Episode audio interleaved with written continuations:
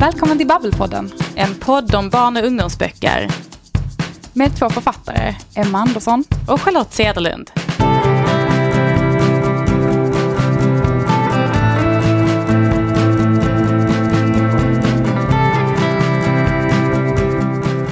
Emma, vet du vad jag tänkte på? Nej. Vi har nu spelat in 17 avsnitt av den här podden. Mm. Och vi har lärt oss jättemycket om eh, barn och ungdomsböcker i Sverige. Det stämmer. Känner du att du har bra koll på barnboksbranschen i andra länder, kanske de nordiska länderna? Mm, inte så jättebra. Lite, lite, lite grann koll har jag på Danmark. För att vi hade ett litet utbyte med danska författare för jättemånga år sedan när jag var med i någon sån här barn och ungdomsgrupp. Men det jag lärde mig där tror jag nästan att jag har glömt till och med. Det var någonting med en fetare biblioteksersättning. Det är det jag kommer ihåg. Vad tänkte du på? Nej men jag tänkte att vi kanske skulle börja gräva lite längre bort ifrån var vi står. Mm. Och jag gillar ju Finland. En av mina absolut närmaste skrivarkompisar kommer från Finland.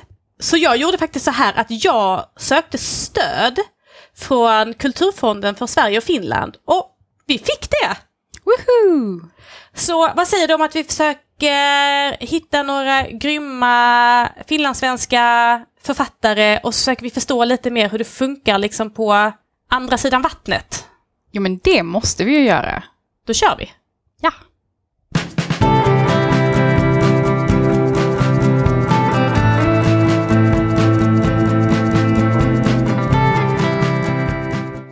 Hon är den prisbelönta författaren som kallats en förnyare av fantasytraditionen. Hennes serie om det röda klostret har sålts över hela världen och jämförts med Margaret Atwoods The Handmaid's Tale och Ursula Le Guins Trollkarlen från övärlden svit. För oss som älskar fantasy är det i stort sett detsamma som att bli jämförd med de absolut största. Hon kommer från ett av våra kära grannländer och tro det eller ej, hon har faktiskt poddat i samma poddkollektiv som era favoritbabblare. Varmt välkommen Maria Turchaninov! Tack, tack. Välkommen Maria, så himla roligt att du ville vara med idag. Jag är jätteglad över att få vara med. Hur mår du? Utmärkt, tack. Vad härligt. Vi har ju bjudit in dig här idag för att vi vill prata om eh, finlandssvensk fantasy. Kanske lite specifikt finlandssvensk fantasy som har rest ut i världen.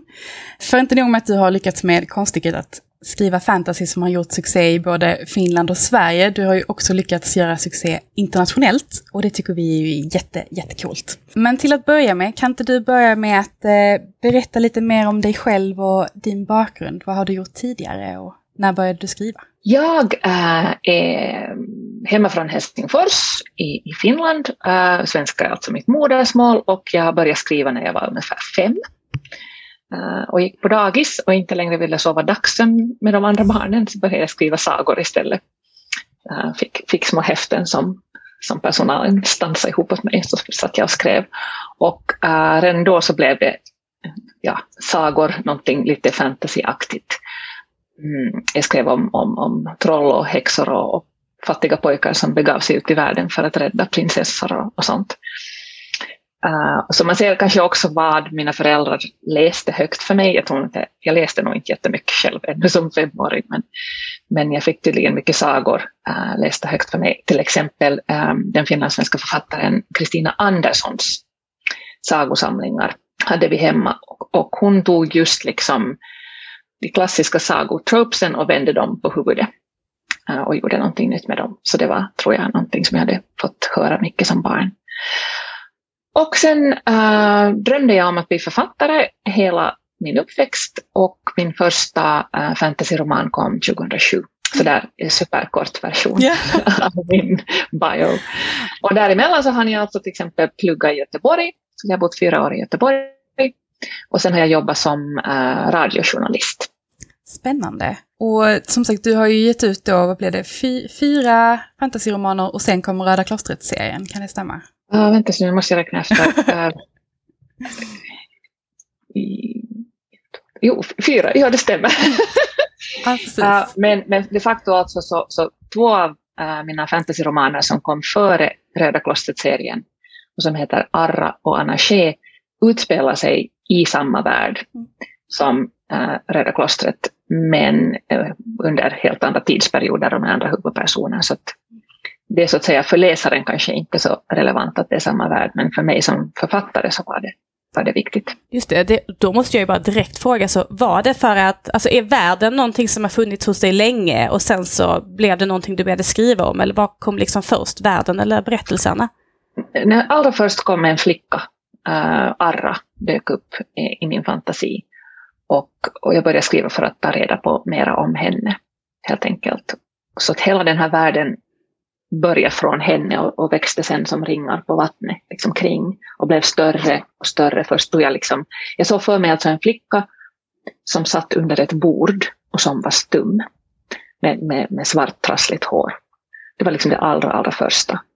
Och så började jag fundera att jaha, hon är stum, men hon är inte, så det är inget äh, fysiskt fel på henne, men hon pratar inte. Och vad skulle få ett barn att inte prata? Och så började jag liksom ta reda på, det vill säga skriva eh, för mig själv om henne. Och, och så småningom växte det liksom runt bordet reste sig ett, ett stockhus, en stockstuga. Och, och stugan hamnade i utkanten av en by och byn blev placerad i en stor skog och så, att säga, så småningom på det här sättet så växte och växte den här världen.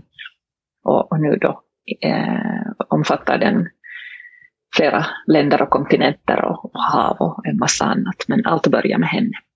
Ja, det är fantastiskt. Jag har läst Arra, jag tyckte väldigt mycket om den. Men du är ju just nu aktuell med din första vuxenroman, Arvejord. Eh, men alla dina tidigare böcker innan dess har ju varit ungdomsböcker. Eh, varför började du skriva för unga? Jag gjorde inte det. Jag började skriva berättelser um, som kom att ha uh, först barn och sen unga i huvudrollerna. Och det var liksom aldrig något medvetet beslut, och lika lite som det var för mig ett medvetet beslut att skriva fantasy. Utan det bara blev så. Eh, och sen när man har unga i huvudrollerna så, så bestämmer förlaget att jaha, det här är en ungdomsbok. Men för mig har ju alltid fantasy varit någonting som talar till alla åldrar och som liksom appellerar till läsare från, från barn till, till åldringar, om det är bra fantasy. Så att för mig har det liksom aldrig varit, kanske den allra första boken, för den har då faktiskt barn i huvudrollen, så den var mera kanske uttalat en barnbok. Men, men de övriga har för mig varit fantasyromaner. Uh, och det har kanske lett till lite problem också därför att uh, just i den röda klostret-trilogin så började med Maresi där vi har en, en, en huvudperson som är 13 men sen kom Naondel som utspelar sig före Maresi och där gamla kvinnor de facto ser tillbaka på sitt liv, berättar om vad som hände när de var unga, men det uppfyller så att säga inte ens mera den tekniska definitionen av en ungdomsroman, för det ska inte just vara en återblick i en ungdomsroman. Men det var då andra delen i en trilogi, så det fick gå där liksom i samma. Och, och där var kanske temana och, och ja, boken i övrigt kanske också lite mörkare än vad man brukar se i ungdomsromaner. Så att jag är ju aldrig så där speciellt strategisk i mitt skrivande, utan det bara, det bara blev så. Mm. Jag känner igen det. Jag, jag brukar också tänka att så här, det blir vad det blir och sen får ett förlag mm. berätta för mig lite vad jag har åstadkommit. Ungefär så. Precis.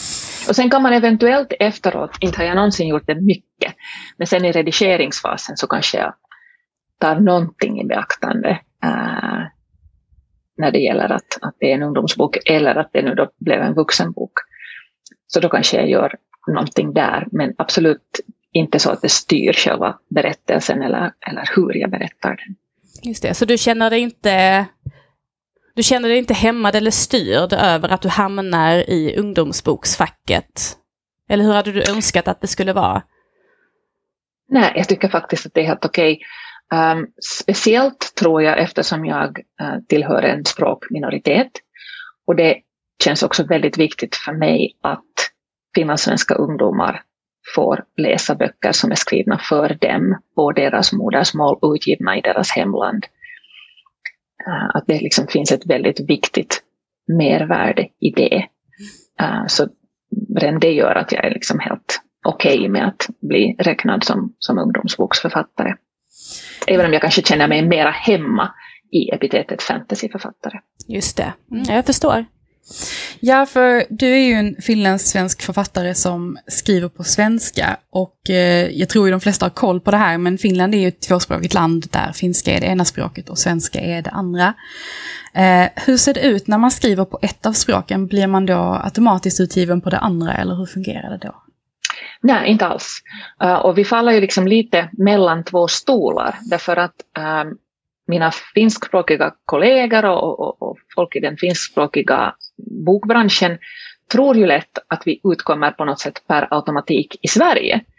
Uh, medan Sverige då är väldigt, en väldigt, väldigt svår marknad för en finlandssvensk författare att överhuvudtaget liksom bryta sig in i, uh, få något som helst intresse, uh, lyckas få en recension. Um, och jag har haft flera olika utgivningsmodeller. Eh, jag har haft eh, så kallad delupplaga på ett svenskt förlag, Bergs förlag, och jag har också haft ett, ett finlandssvenskt förlag som har gett ut i Sverige. Och båda är ungefär lika motigt och lika och svårt att, att liksom, ja, nå fram. Eh, medan till exempel på finska, jag har då haft förmånen att få alla mina romaner utom den första översatt, översatta till finska, vilket inte alls heller hör till vanligheten att det finns många finlandssvenska författare som inte får sina böcker utgivna på finska. Eh, men då på finska så ses jag som en översatt författare. Mm. Så liksom på ett sätt, fast du är en inhemsk författare så blir du ändå satt i facket översatt litteratur, mm. som alltid säljer mycket mindre till exempel. Just det. Ja, det är sånt man inte tänker på alls. Så vi liksom hamnar just där lite mellan två stolar, att vi, vi är inte svenska författare, så vi är liksom exportvara i Sverige, men vi räknas inte riktigt som finska författare heller i Finland, utan det är bara på, på, på finlandssvenskt håll som vi, som vi så att säga ses som, vad ska man säga, in, inhemska. Just det, och då blir det det är ju en ganska begränsad befolkning, eller hur? Är det 300 000? eller? Du får påminna oss. Ja, ungefär. ungefär. Så att det liksom under 6 procent av befolkningen. Mm. Um, och sen skriver man då för, för unga dessutom så blir den där gruppen, målgruppen ännu smalare. Uh, så skriver man fantasy och så blir det liksom allt bara krymper och krymper. Och då blir det ju ännu tydligare att det känns som att du har ju verkligen lyckats med någonting. Därför att ja, nu kanske vi är, vi kanske inte är genomsnitts, den svenska genomsnittsläsaren, för vi dras ju också åt fantasyhållet, men jag tycker ju att jag, jag har läst dina böcker, jag har sett dina böcker mycket. Jag tycker de har varit synliga i Sverige. Jag tror att det är just tack vare att vi är fantasy som vi har åtminstone fått de här fantasy underground-kanalerna på något sätt. Att liksom de finns i SF-bokhandeln även om de inte finns i andra bokhandlar till exempel, mm. Eh, så har man ändå kunnat hitta dem där. Och, och jag har fått liksom just göra uh, uppläsningar i SF-bokhandlarna och så här, att det har liksom funnits lite andra kanaler och vägar uh, att, att gå. Ja men precis, och vi har ju varit inne på fantasy mycket redan. Eh, och jag har läst i intervjuer du har gjort tidigare att du brukar säga att fantasy är just din genre. Och i Sverige så, vilket jag tänker att du säkert har ganska bra koll på, så är det ju ofta ganska populärt bland yngre barn eh, att läsa fantasy. Eller det ges ut en del, en hel del ändå en fantasy för yngre barn. Men det är väldigt svårt att ge ut fantasy till vuxna. Eh, och jag tänker du har varit inne lite på det här, men alltså är det, är det, skulle du säga att det är likadant i Finland? Så har jag förstått nog att det är väldigt mycket så här också. Och om jag fick något råd av mina förläggare och redaktörer när jag arbetade med den här vuxenromanen Arvejord så var det att tona ner de där fantasy-elementen där i början för vuxna blir så rädda för sånt. Känner igen det där. unga kan ta till sig, de liksom, unga har mycket mer öppet sinne mm. men vuxna blir sådär, åh nej usch, hjälp, en svans. ja, det, det, det, har man ju hört. det har man ju hört förr. Ja, men spännande att du ändå ger dig in på det. det, det jag ser väldigt mycket fram emot att läsa Arvejord. Men jag tänker, du har ju också varit, eh, befunnit dig ganska mycket på, om man säger då, liksom fantasy-scenen eh, och även då i Sverige. Eh, vad skulle du säga, eller vad tycker du generellt om fantasy skriven på svenska? Och då tänker jag både utgivet i Sverige och, eh, och svensk Finland. Det är svårt, men den är mångsidig. Så att det är svårt att säga någonting så här uh, generellt alltså. Jag tycker att det görs eh, mycket och det görs mycket intressant men just för en yngre målgrupp. Och jag kan säga att jag är också inte jättebevandrad att jag liksom själv med fantasy skriven på svenska för vuxna. Det kan jag säga att jag inte har, jag tror inte att jag har läst jättemycket. Uh, men, men jag tycker att det som sker liksom för, för unga läsare, vare sig det är barn eller, eller liksom lite äldre, så det tycker jag är spännande och det är liksom, jag vet inte, fantasy är överlag den genre där folk vågar ta ut svängarna lite mera och där man liksom vågar utforska teman, ehm, men också strukturer och stilar som eh, så kallade mainstream-författare kan jag tycka kan vara lite liksom mera försiktiga och fega med att göra. Och jag tror att det har att göra med att man är liksom ändå där lite eh, i marginalen. Så liksom, det ger en viss frihet. Att man, sådär, vi är nu ändå de där lite marginaliserade genreförfattarna så då kommer man säga, who cares, då kan jag liksom lika bra göra faktiskt det jag vill. Mm. Eller så uppfattar jag det i alla fall. Mm. Ja, men det kan vi nog skriva under på. Ja, men verkligen. verkligen. Eh, och som sagt, eh, du har ju... Eh, det, går, det går bra för dig som vi upplever det i alla fall. Eh, och eh, Eh, du har ju också lyckats då som sagt med konststycket att få ut dina böcker internationellt. Och det är ju någonting som känns extra coolt med tanke på att vi, vi får i alla fall höra mycket att så här, ungdomsböcker är svårt, fantasy är ännu svårare för att det finns så mycket att konkurrera med på den internationella marknaden helt enkelt. Men din serie Det röda klostret då ju med, med Maresi i spetsen då har hittat utanför både Finland och Sverige. På vilket sätt skulle du säga att Maresi särskiljer sig från dina tidigare böcker och vad är det som, vad är det i den berättelsen som sticker ut helt enkelt som gör att den klarar av att konkurrera på marknaden? Jag tror att det är ju ofta många saker som samverkar. Um, och jag har en, en uh, bra agent som hade en försäljningsframgång i ungdomsgenren om sig när, när Marese kom ut, som hade sålt, liksom, den har alltså sålt nu, Salasimukkas. Eh, serie har sålt till, tror jag, nu kommer jag inte ihåg, men det är över 50 länder tror jag alltså, den är helt otroligt eh, såld. Och det gjorde ju att min, vi har samma agent, så äh, hon hade liksom kanaler. Och det här tycker jag på något sätt också är så viktigt för författare att, att liksom vara medvetna om att andras framgångar är jättebra för dig, för de kan dra med dig. Så det fanns också liksom, eh, dels att hon hade de här kontakterna, dels att eh, det fanns kanske en, ett nyvaknat intresse för finländsk litteratur tack vare det. Sen för att vara en fantasyroman så är Maresi ganska kort och det tror jag ofta, eftersom fantasyromaner åtminstone ibland tenderar att vara ganska tjocka och det är svårt att liksom, som agent tror jag, att sälja in en sån grej. Och sen gjorde min agent en satsning och gjorde en provöversättning så att säga på hela romanen.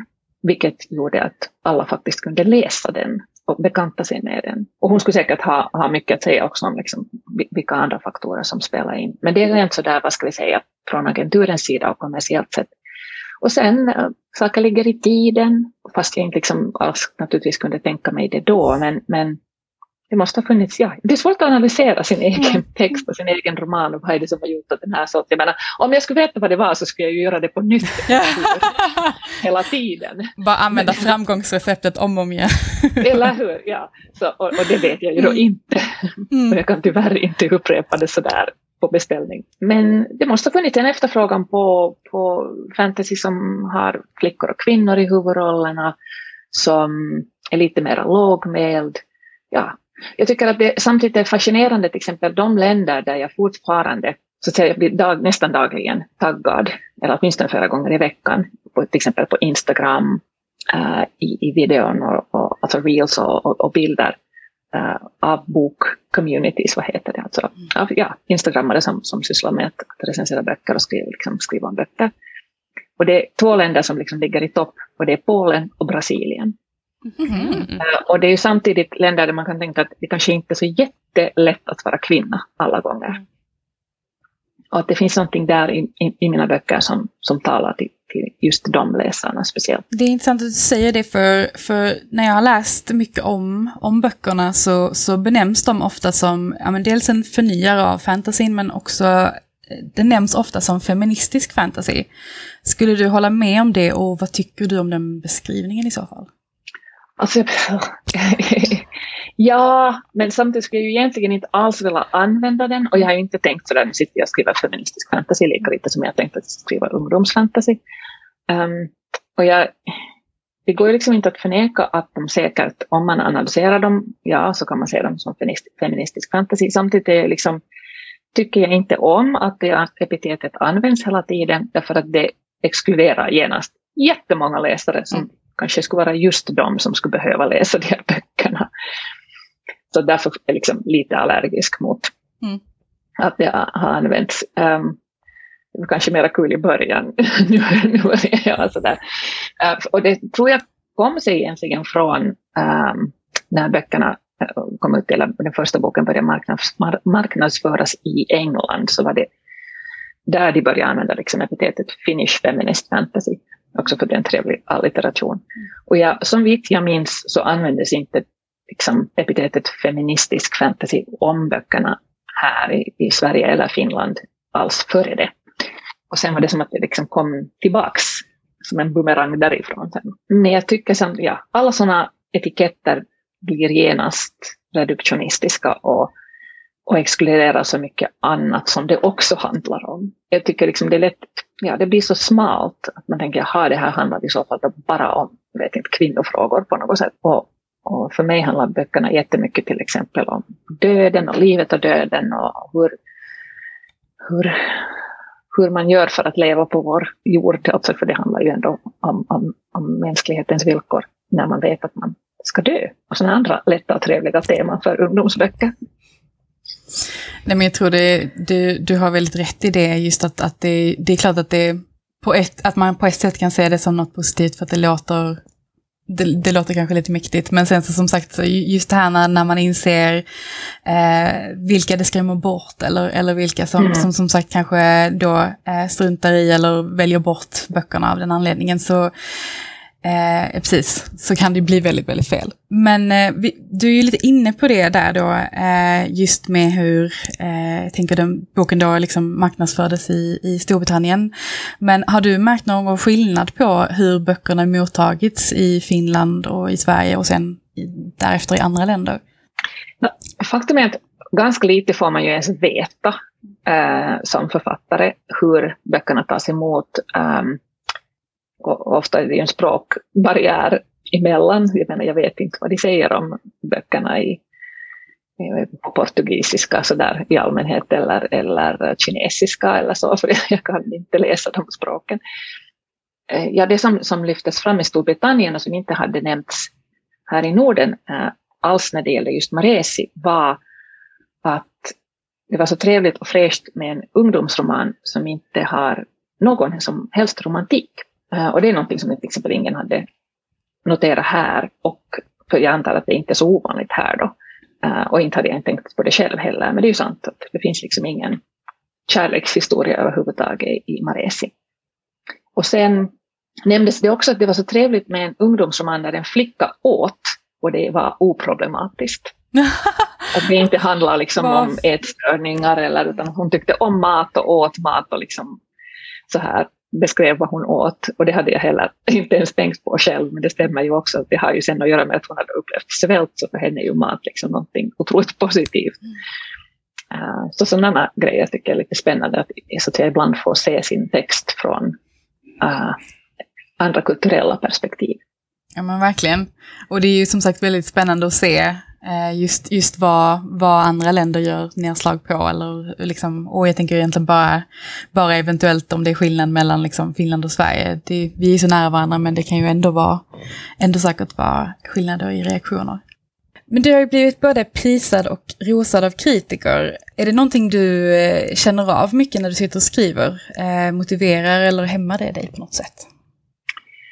I allmänhet så tänker jag nog inte på det alls. Och jag har ju ändå liksom sett sågningar av mina böcker på Goodreads, fast man aldrig som författare borde gå in på Goodreads. Så att, jag menar, det finns de som tycker om det jag gör och det finns de som inte gillar det. Um, men nu när jag satt och arbetade med uh, det som jag plötsligt upptäckte då att kommer att bli en vuxenroman, så då kanske det lite smög sig in i mitt medvetande att ja, kritiker har ju en tendens att, så att säga, sätta en i vissa fack och nu är hon fantasyförfattare, eh, nu är hon ungdomsboksförfattare. Ehm, och då började jag kanske lite tänka på det ehm, när jag skrev, men sen fick jag försöka bara skuffa det åt sidan för att, att försöka skriva för kritiker leder aldrig till någonting gott. Men nu när vi gör den här intervjun så har jag alltså recensionsdag om två dagar, så att kanske du borde fråga mig nästa vecka hur det känns. Uh, det beror ju på lite kanske hur den här boken nu tas emot. Jo men det, jag kan känna för min egen del så är det väl mycket, mycket dagsform, eh, sådär hur mycket man eh, tar till sig av, av vad, vad andra säger. Eh, ibland är Kanske man mera faktiskt att jag sitter och tänker på eh, min redaktör, för jag har jobbat med samma redaktör med alla mina böcker. Mm. Uh, hon är min redaktör och min förläggare. Och um, det finns mera så att jag ibland tänker att nej, det här kommer Sara att inte tycka om. Eller det här kanske Sara gillar. Uh, men också det försöker jag sen att liksom, det måste jag också lägga åt sidan för att inte heller det är bra att tänka medan man skriver. Ja, men precis. Väldigt fint att ni har haft den långa relationen, det känns lyxigt. Det är jättelyxigt faktiskt. Och det, det, jag upplever att, att förhållandet mellan författare och liksom redaktör är så intimt och så det, det måste finnas ett förtroende där som är jätteviktigt. Och, och det, liksom, ja, det känns jättefint att ha förbyggt upp det förtroendet under en lång tid och veta liksom att, att min text är, är, när jag skickar in den så är den i trygga händer. Rätt så hård, hårdhänta händer ibland, men det är ju det man behöver. Alltså, att jag vet att någon annan vill att min text ska bli så bra som möjligt. Utan att, så att säga, tänka allt för mycket på ja, att bespara mina känslor utan att det är liksom texten som är det viktiga. Mm. Ja, och det uppskattar jag jättemycket. Du har ju blivit jämförd med giganter som Margaret Atwood och Ursula Le Guin. Eh, så jag tänker lite inne på det här med liksom att bli prisad och rosad. Men vilka skulle du säga att du ser upp till? Ja, Le Guin absolut är nog en av mina stora förebilder. Um, och idoler och, och allting.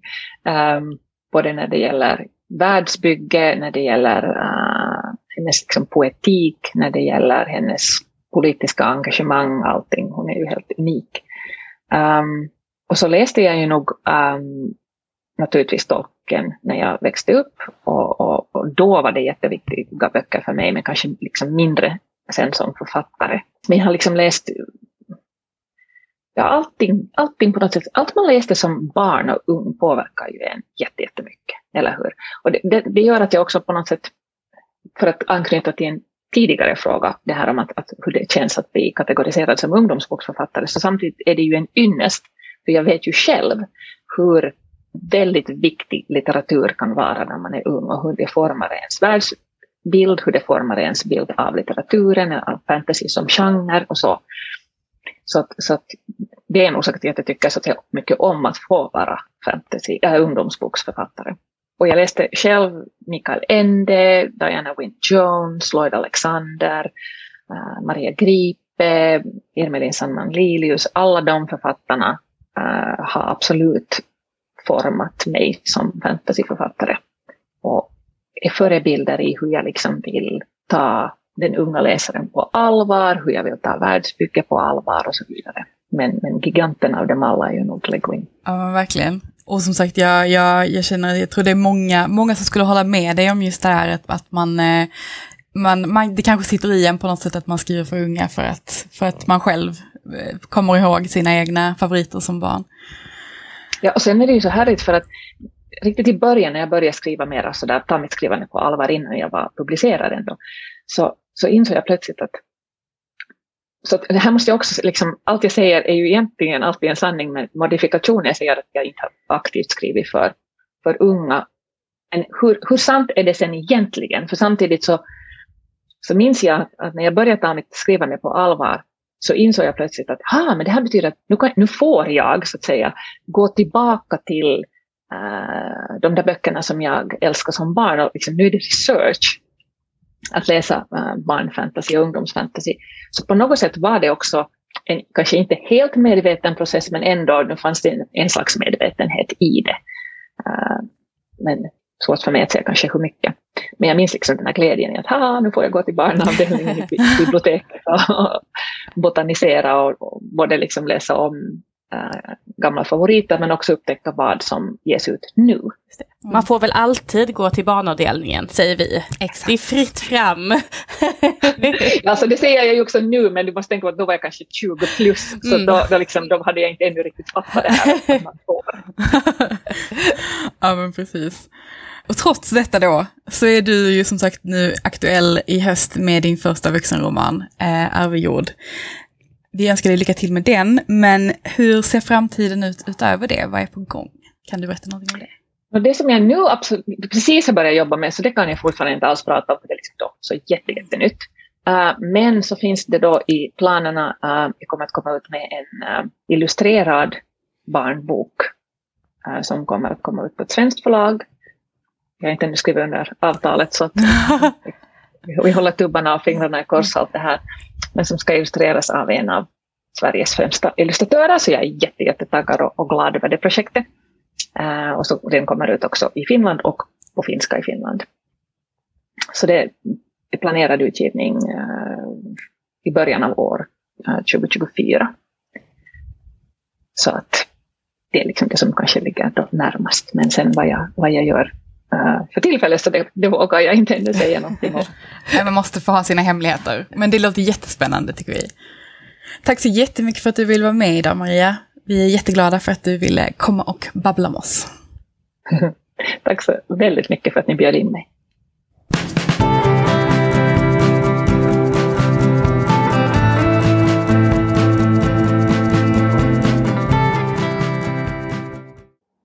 Gud vad det var intressant Emma, eller vad säger du?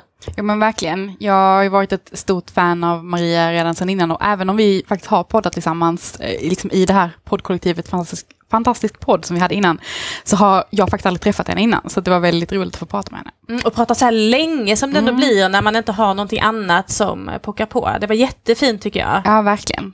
Superspännande och, och jättefascinerande att höra om. Alltså, man tänker ju på något sätt att så här, Finland, det är nära Sverige. Där ser det säkert ut ungefär likadant. Men det är ju väldigt spännande att höra om, om skillnaderna ändå. Ja, och särskilt när det finns liksom ett minoritetsspråk i ett större språk. Det har ju vi i Sverige också, men, men det blev så tydligt när hon förklarade Mm. hur, det, hur det blir. När man ligger liksom mitt emellan. Det Ja, har jag aldrig verkligen. tänkt på. Nej, inte jag heller. Så det var väldigt intressant att höra om det tyckte jag. Mm. Eh, Det jag också tyckte var väldigt intressant var ju när hon pratade om det här med utlandsförsäljningen. Ja men verkligen. Och jag, jag är jättenyfiken för jag tänker just att, ja, men, om, som, som, vi, som vi har varit inne på, att så här, svenska är ett litet språk, finska är ett litet språk. Eh, och jag tänker på något sätt att, att man förstår ju då på något sätt att den finlandssvenska litteraturen är på något sätt också sin egen, liksom, Mm. och, och är ju då ännu mindre.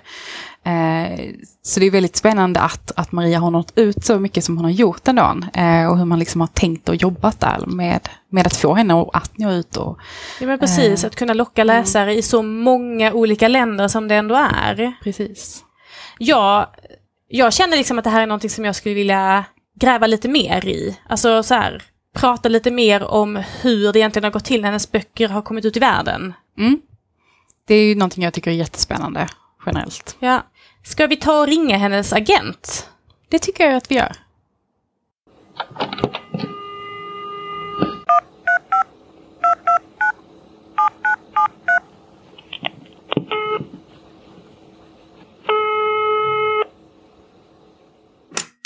Ja, hej, det här är Elina Albeck på Albeck Agency. Hej Elina, det här var Charlotte på Babbelpodden. Trevligt att höra dig. Ja, trevligt. Hur mår du idag? Jättebra. Vi har börjat den här höstsäsongen och säljer finska böckers rättigheter runt världen. Så det är väldigt spännande tider för oss och Ja, jag våra, förstår. våra författare. Jag förstår, gud vad roligt. Du, vi pratade precis med Maria Turchaninov och du är ju hennes agent och du är även grundare eh, till eh, agenturen Elina Ahlbeck Literary Agency, eller hur? Det stämmer. Det var 13 år sedan jag kom med tanken att nu måste Finland få den bästa agenturen i världen för att i Sverige fanns det ju många och ute i världen men i Finland fanns det ju inga agenturer så vi var den första och vi är fortfarande den, den, den, den eh, enda eh, faktiskt självständiga agenturen här i Finland. Just det, vad intressant. Eh, du får jättegärna berätta lite mer om, om hur ni gör, hur jobbar ni på agenturen? No, vi, har, vi har de bästa finska författarna att börja med förstås och vi, vi tycker att vi har world class literature, världens bästa finska och finlandssvenska författarna och det som är liksom utgångspunkten när vi ju faktiskt konkurrerar med alla, alla författarna och alla agenturer här i världen så att, att vi faktiskt liksom påminner och, och är, väldigt passionerad att, att från Finland det kommer världs bästa world class literature och i olika genrer, genre så att vi har ju äh, litterära, litterära literary fiction, så har vi ju non-fiction, barn och ungdomsböcker. I olika genrer, men alltid det liksom bästa, bästa i, i, i varje genre. Och uh, ungefär hundra finska författarna och uh, illustratörer. Och varje dag, vi är ju fem agenter här i Finland och sen en, en ungefär tio co-agenter eh, i, i lokala olika länder i USA och i Asien och så vidare. Och varje dag säljer vi till olika förläggare och redaktörer runt i världen, liksom från morgon till kväll. Så, så det här, och förstås nu är det ju fantastiskt också att vi kommer att träffa eh, efter den här långa covid-säsongen att träffa faktiskt författarna och redaktörer eh, i Göteborgs bokmässa och i Frankfurt och, och, och så vidare. Så att det är faktiskt eh, det bästa jobbet man kan tänka sig och sälja, sälja bästa, bästa verk runt i världen. Det låter, det låter som ett jättespännande jobb och eh, jag är ju såklart också jättenyfiken för att ni har ju gjort det fantastiska jobbet med att sälja in Marias fantastiska böcker till väldigt många länder. Det är eh, bokrättigheter, det är filmrättigheter, det är flera stora bokmarknader som USA, Storbritannien, Tyskland, Frankrike. Vad är det du tror eh, med Marias böcker som lockar läsare i så många olika länder? Det är en väldigt bra fråga och, och, och jag kommer ihåg den stunden Maria vann eh, Finlandiapriset och uh, 2014 var det säkert. Så Eh, liksom hade jag en sån här känsla att här finns nu någonting alldeles unikt. Och det som många liksom för, för förläggarna och även recensioner har sagt att det är en så här feminist fantasy saga. Och det var en, liksom, en av de faktiskt första eh, äh, fantasi och sen också liksom en litterär verk om det här äh, feminist på något sätt, den här Maresi, hon är så stark kvinna, flicka och med det här feministutgångspunkt, att det fanns inte någonting annat. Och sen den här världen som Maria äh, kan liksom äh, bilda, så, så man, man, känner liksom de här, hennes karaktärer, Maresi och hennes vänner, är våra läsarnas vänner, bästa vänner. Och, och också den är så universell att, att alla kan liksom tänka sig att, att, att, att, att det här kan hända i, i mitt land. Så, och, och förstås, det var ju fantastiskt fint att vi sen började sälja rättigheter. Nu har vi sålt i 31 länder och, och en av de första var faktiskt eh, till, till England. Så det tog bara en, ett halvt år när vi fick den full English manuscript som vi brukar säga, hela boken på engelska. Så det hjälpte ju förstås väldigt mycket försäljningen. Men att, att ah, jag tror att Maria är bara unik i sin genre och, och som sagt universell och samtidigt unik och, och alla älskar, älskar Maria och um, ja och sen också väldigt spännande med, med det här film och tv-rättigheterna. Så att... Just det. Ja, nej, men vi kan bara hålla med, vi älskar också Maria. men, men hur skulle du säga så här, generellt om äh, finlandssvensk och finländsk litteratur, hur står den sig ute i världen? Det är en bra fråga och jag tror att, att uh, om man nu tänker äh, på det sättet att, att under de här 13 år som vi har haft agenturen och sen förstås det som liksom i Sverige har, har redan börjat tidigare att, att sälja in äh, svenska äh, författarna så liksom världen är nu färdig för att hitta unik, äh, unique voices som vi säger, nya författarna från också andra länder än bara det här anglosaxiska. Så att vi har en sån här litterär tradition här i Finland och i Norden som är väldigt intressant för, för internationella eh, förläggarna. Och, och eh, för att om vi tar till exempel USA så det är 3 procent som de faktiskt ger ut eh, eh, översatt litteratur, men under dessa 13 år det har vuxit.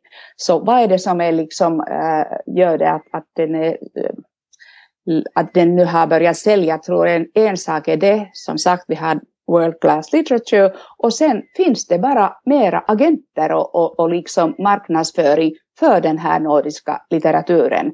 Och, och den som är en liten kliché är också att, att om man nu tänker USA, England, Storbritannien, Tyskland och, och, och kanske också Asien, så är de ju intresserade av liksom det här exotiska Norden och, och Finland förstås eh, med, med sina natur och, och, och skogar och krig och all, allt det där som är, som är lite annorlunda än, än, än vad det finns där som sagt i anglosaxiska.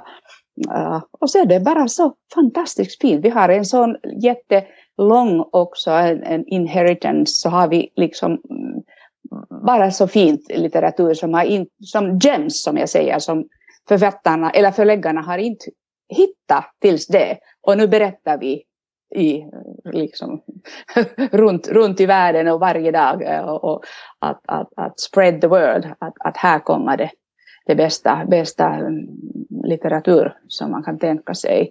Så det är många saker tillsammans. Eh, Eller så här att, att, också förstås för finlandssvensk litteratur är det den förmånen att, att, att sen har de ju mera eh, översättare än från finska språket. Så det hjälper lite. lite eh, som med Maria har vi haft en fantastisk översättare, Annie Prime, som har gjort utmärkt arbete med det här översättningen av, av Marias böcker. Just det. Ja, men vad spännande. Men jag blir såklart också jättenyfiken har du någon sån här gem som du säger, någon bok som du känner att den här boken bara ligger och väntar nu på att bli upptäckt av de utländska förlagen? Är det någon du jobbar med just nu som du känner lite, det här? jag har en bok här som, som jag ju visar er äh, som har precis utkommit i, i Finland och i Sverige och den är ju en, den första vuxenroman av Maria Turchaninov. Förstås, eh, som heter eh, Arve Jud och på engelska Inherited Land. Och den är faktiskt en gem. Uh, som sagt, vi agentur, på agenturen vi jobbar med barn och ungdomsböcker, faktaböcker och, och skönlitterära. Och jag tycker det här, Marias nya bok, Arvejord Inherited Land, är faktiskt en gem. Och vi har just sålt den första eh, uh, utländska rättighet precis om en, stund, e, e, en timme sedan. Så att, att, att det tog bara en vecka att vi fick den först. Så hoppas att den här kommer att säljas till 50 länder. Gud vad spännande. Vi tror det, för vi tror på Maria, vi tror på er. Eh, tack snälla Elina för att vi fick ringa och prata med eh, dig. Det här var jätteintressant. Tack så väldigt mycket. Ha en bra dag. Detsamma. Tack. Hej då.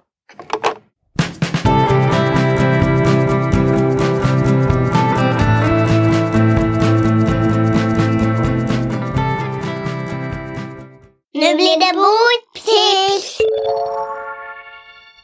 Charlotte, har eh, du läst någonting roligt i veckan?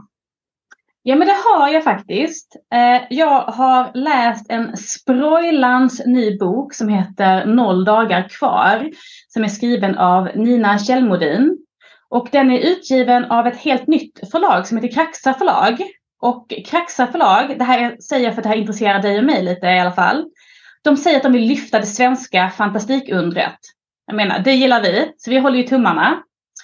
Eh, och det här är en av deras allra första böcker och det är deras första ungdomsbok. Den riktar sig till eh, ungdomar i åldern 15 plus. Och den kommer ut ja, imorgon faktiskt, eh, utifrån när det här avsnittet släpps. Och den här boken, Noll dagar kvar, den handlar om My. My som lever i en dystopisk framtidsvärld får man väl säga. Där solen är på väg att dö och där man inte har hittat någon Alltså någon räddning, det finns ingen utväg. Utan jorden kommer gå under och alla människor kommer att dö. Det är liksom så det är. Och i den här staden där My bor så sitter det stora nedräkningsskyltar uppe som visar hur många dagar som är kvar innan allt är slut helt enkelt. Och My hon är precis det är på gränsen till vuxenlivet. Hon har gått ut skolan, har precis flyttat hemifrån och hon har en ganska ensam tillvaro. För hennes enda vän, Jon, han är försvunnen. En dag så var han bara borta. Och Mys mamma, hon har gjort om hela lägenheten till ett så kallat nöje. För det är liksom inte så alla i den här världen lever. De försöker liksom suga ut det sista ur livet genom att roa sig i digitala nöjen och ta diverse droger. Men det gör inte My, utan hon eh, flyr istället in i världar som hon hittar i gamla böcker. Det är nästan ingen annan som läser längre, men My läser. Och sen så går hon också tillbaks till vissa så här hemliga platser som hon delade tillsammans med Jon. Och långsamt, långsamt så tickar de här äh, dagarna ner. Och jag tycker att det här är en jättevälskriven och en väldigt omskakande bok. Och den här är omskakande på samma sätt som Mats Strandbergs slutet var omskakande. För vi har den här nedräkningen, vi får se hur destruktivt människor beter sig de sista dagarna innan jorden går under. Vi får se hur miljön förändras, det blir varmare, det blir torrare. Och för mig är det omöjligt att inte dra paralleller till klimatförändringarna och de konsekvenser som man ju pratar om eh, väntar om vi inte gör någon slags förändring. Och det påverkar mig jätte, jättemycket när jag läser den här boken. Eh, men i den här boken så finns det något annat också, för det finns ju hopp. Och det hoppet börjar med en liten pojke. Men jag tänker inte säga så mycket mer än så, för jag vill inte spoila boken, inte för dig Emma, och inte för er som lyssnar, för jag tycker verkligen, verkligen att ni ska läsa den här. Det låter ju superspännande tycker jag. Verkligen.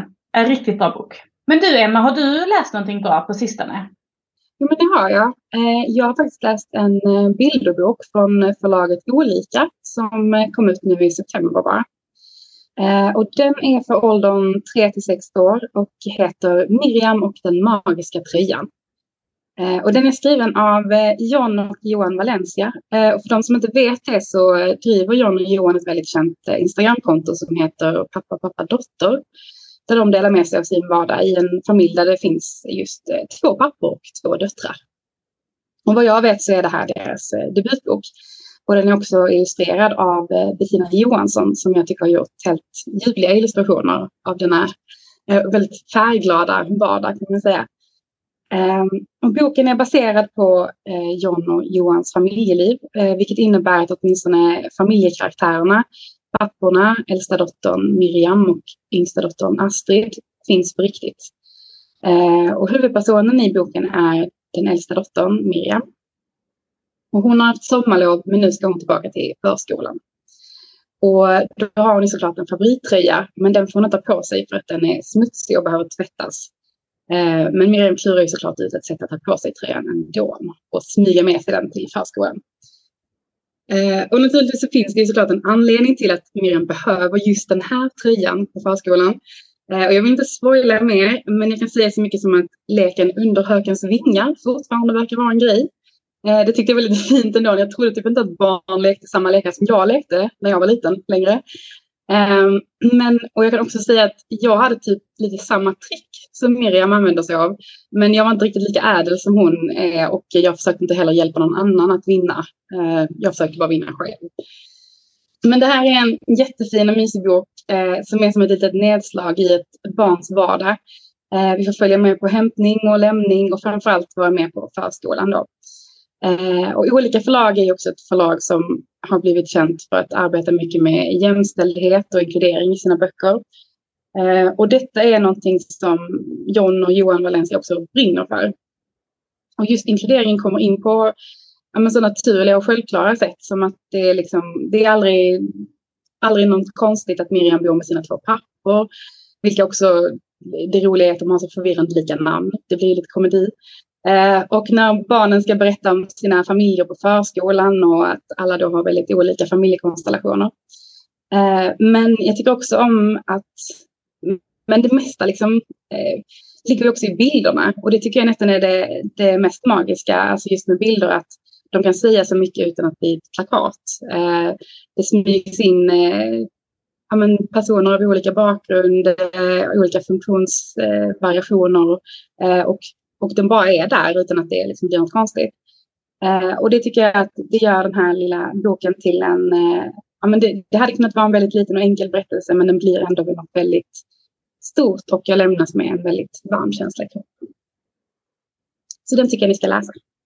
Det låter som en jättebra bok och som någonting jag borde läsa med mina barn. För de gillar också Under högens vingar kom fortfarande. De kanske behöver lite tips. Mysigt, jag tycker absolut att de ska läsa den här boken för här får man verkligen tips på hur man klarar sig om man säger så. Ja, precis. Det här var allt för idag eh, och eh, om ni har eh, några kommentarer eller tankar eller annat ni vill dela med er av till oss så är det bara att kommentera på Instagram, skicka ett DM eller mejla oss. Vi blir bara jätteglada när ni hör av er. Ni får ha det så bra. Hej hej! Música